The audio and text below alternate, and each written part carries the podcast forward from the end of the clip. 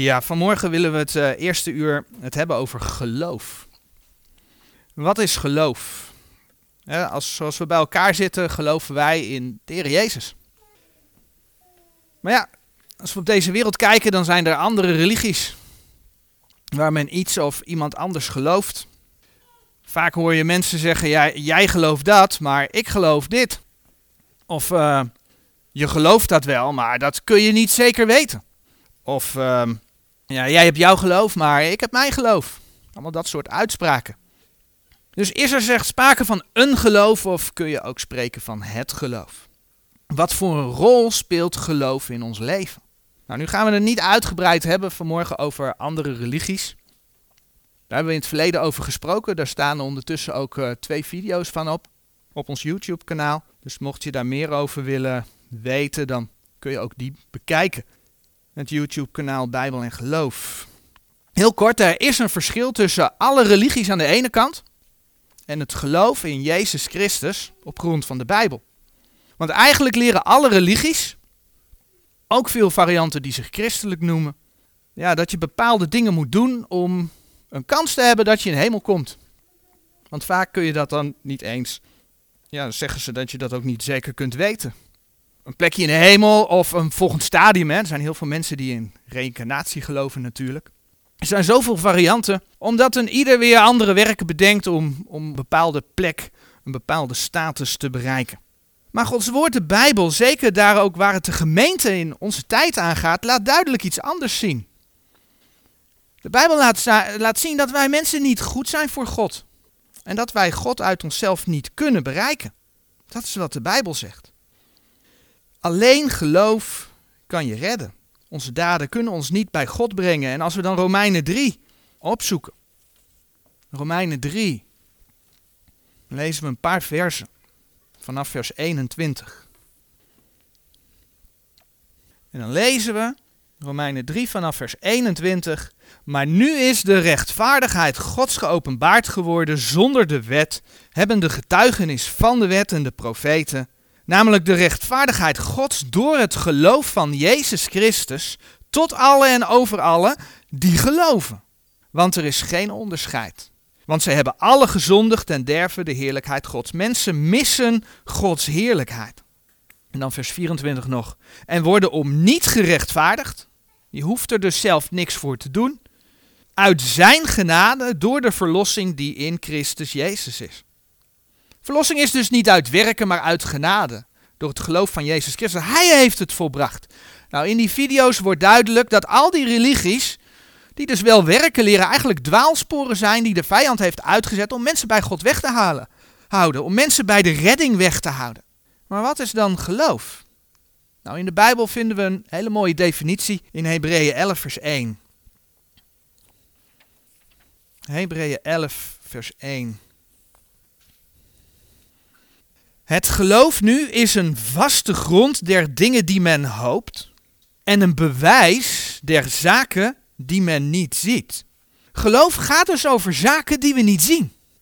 Ja, en veelal is de mens geneigd om aan te nemen voor waar wat hij ziet. Als we iets zien, is het waar. Dat zien we ook bij Thomas. Toen de Heer Jezus gestorven was en opgestaan was en hij aan de discipelen verschenen was, en Thomas was daar niet bij, toen wilde hij niet geloven dat de Heer Jezus leefde. Vinden dat in Johannes 20. Johannes 20, vers 25. Thomas wilde het niet geloven totdat hij het met eigen ogen zou zien. En wanneer de Heer Jezus dan opnieuw verschijnt aan de discipelen en Thomas wel met hem is, dan gelooft Thomas. Hij zegt in vers 28 van Johannes 20. En Thomas antwoordde en zeide tot hem, mijn Heere en mijn God. Toen wel. En kijk wat de Heer Jezus dan tegen Thomas zegt in vers 29. Jezus zeide tot hem, omdat gij mij gezien hebt, Thomas, zo hebt gij geloofd. Zalig zijn zij die niet zullen gezien hebben en nochtans zullen geloofd hebben. Ja, en dat is natuurlijk ook wat geldt voor deze gemeentetijd. 2 Korinthe 5 vers 7 staat op de dia die tekst. Want wij wandelen door geloof en niet door aanschouwen.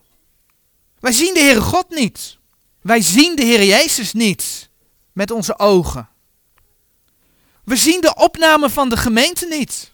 We zien het koninkrijk dat nog moet komen, dat kunnen we niet zien. De nieuwe hemel en de nieuwe aarde die de Heer beloofd heeft, die gaan komen, dat zien we niet. Dus wij geloven in iemand, wij geloven in dingen die we niet zien. En dan spreekt Hebreeën 11 vers 1 over hoop. Maar ja, als mensen over hoop spreken, dan zit daar meestal niks vasts, niks zekers in. Ze hebben dan een toekomstdroom, ze hopen erop. Maar ja, het kan ook niet uitkomen.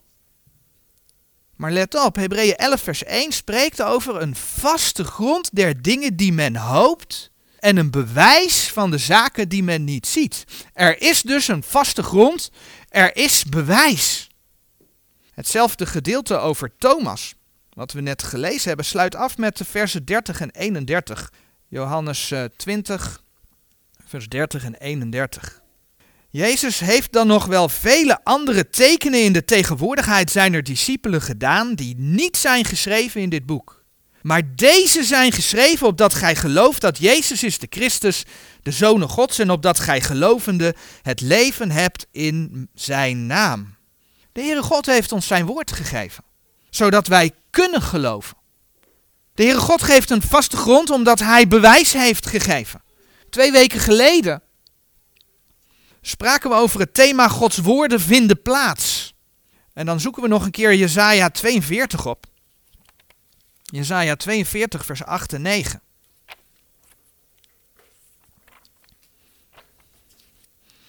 Jezaja 42 vers 8 en 9.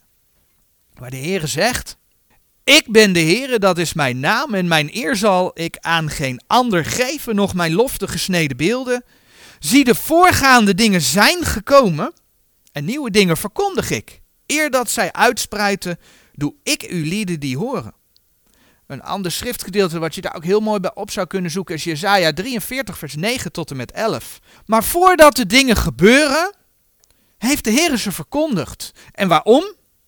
Zodat je kunt weten dat zijn woord de waarheid is. Zodat je kunt weten dat de Heere God is.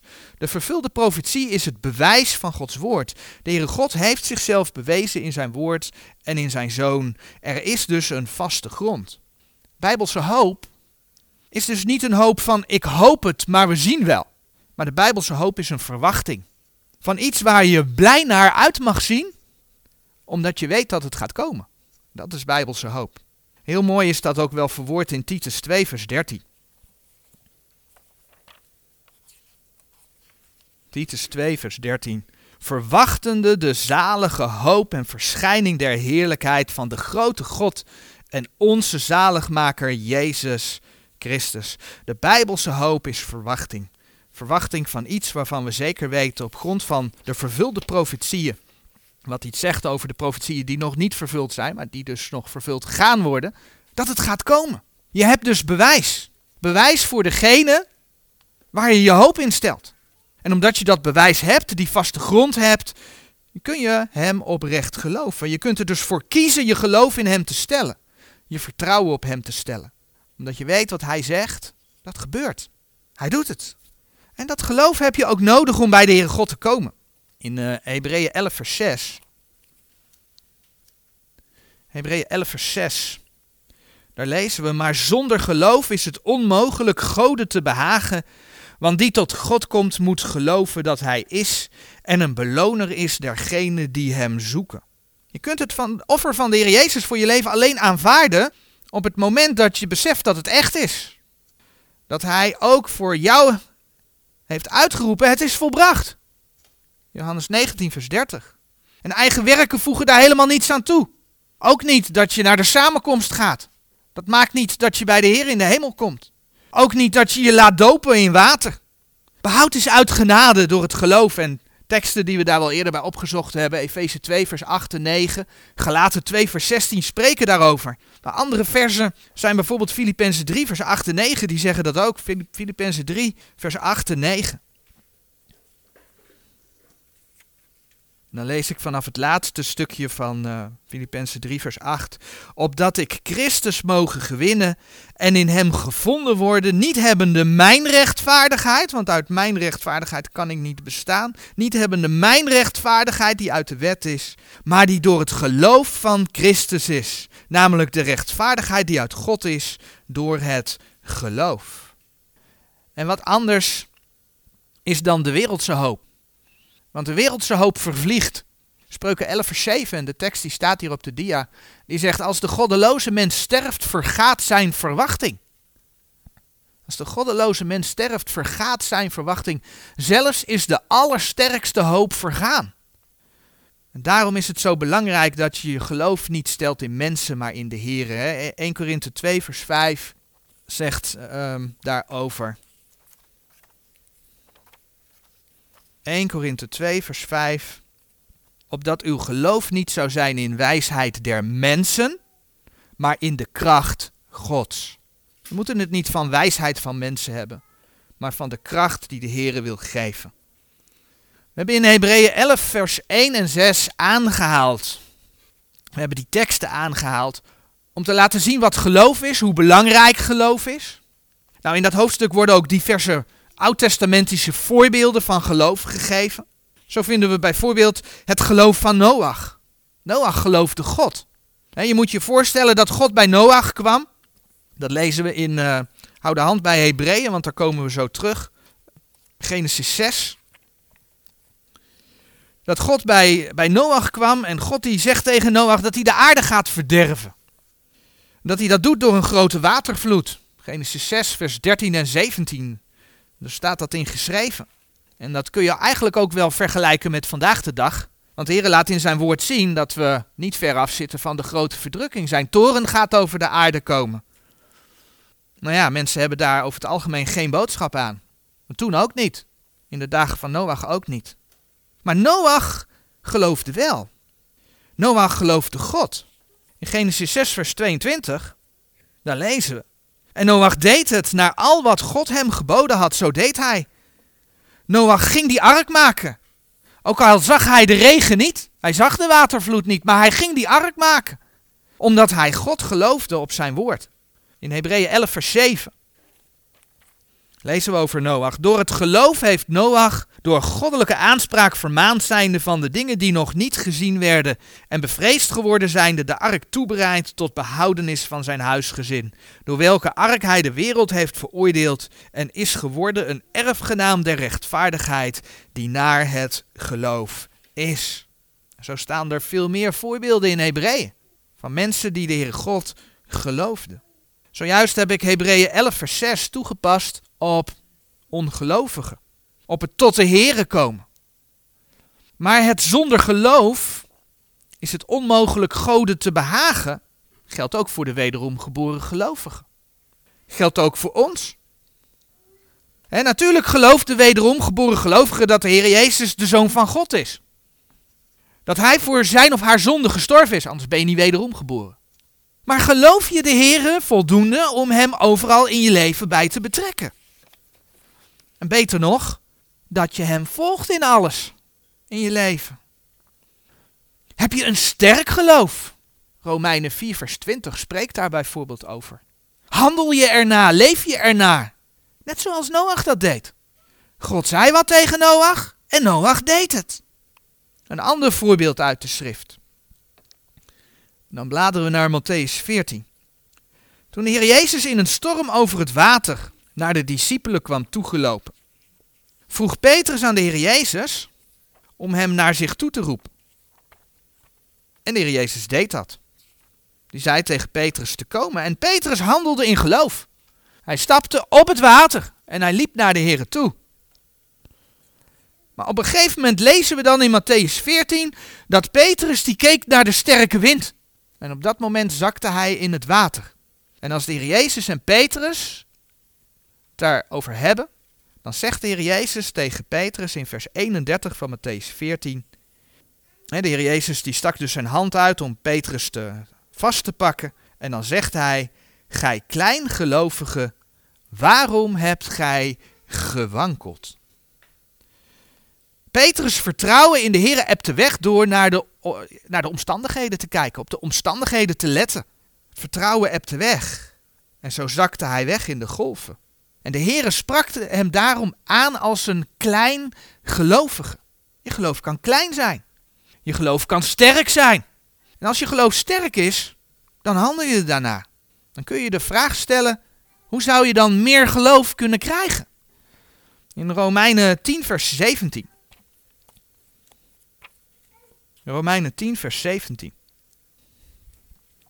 Daar staat, zo is dan het geloof uit het gehoor en het gehoor door het woord Gods. Natuurlijk geldt dit in eerste instantie voor tot geloof komen. Als je tot geloof komt, het woord hoort, tot bekering komt. Efeze 1, vers 13. Maar ook voor de wederomgeborenen geldt dat je kunt groeien in geloof. Dat je sterker kunt worden in je geloof. Door Gods woorden tot je te nemen. Hoe meer je Gods woorden leest, hoe meer de Heer zichzelf door zijn woorden aan je kan openbaren, des te sterker wordt je geloof. Je geloof in zijn woorden. Zo kun je zoeken naar bijbelgelovige predikingen om die te beluisteren. En ik zeg met name bijbelgelovige prediking, omdat er zoveel prediking is vandaag de dag die Gods woorden in discrediet brengen. Althans, die een poging daartoe doen. Als je daarmee vult, sterkt dat niet je geloof. En andersom geldt het ook. Hoe minder je je vult met Gods woord, hoe meer je je vult met aardse dingen, of met schriftkritische prediking, hoe meer je ongeloof gevoed wordt. Dus sterk je geloof door je te voeden met Gods woorden. Het helpt je om de zonde na te laten. Het helpt je om te wandelen in geloof. Zo hebben we onlangs stilgestaan bij het wandelen door de geest. Toen zagen we dat het van belang is om continu met de Heer te communiceren. Dus niet alleen ochtends in gebed, Heer, wilt u mij vandaag zegenen? als je amen hebt gezegd en de dag doorgaat, kun je gewoon met de Heer praten. Gebed hoeft niet in een speciale houding, op een speciaal tijdstip. Het is heel goed om de dag te beginnen met de Heer. Daar niks over gezegd. Dat is heel goed. Maar probeer met de Heer te communiceren in de dingen die je tegenkomt overdag. En vorige week hebben we het over zingen gehad.